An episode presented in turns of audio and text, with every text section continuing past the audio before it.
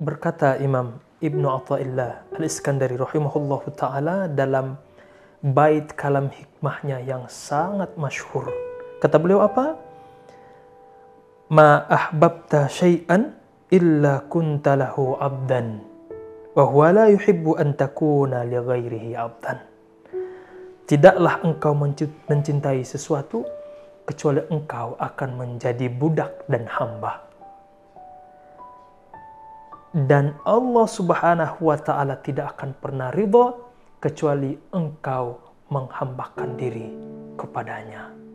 Maka seorang yang mencintai sesuatu, maka dia akan menjadi hamba dari sesuatu itu.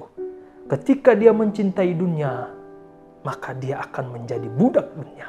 Dan barang siapa yang cinta akan akhirat, maka dia akan menjadi hamba akhirat maka silahkan pilih cintamu kepada siapa engkau labuhkan. Apakah kepada dunia dan engkau akan menjadi budak dunia atau kepada Allah dan engkau akan menjadi hamba Allah Subhanahu wa taala.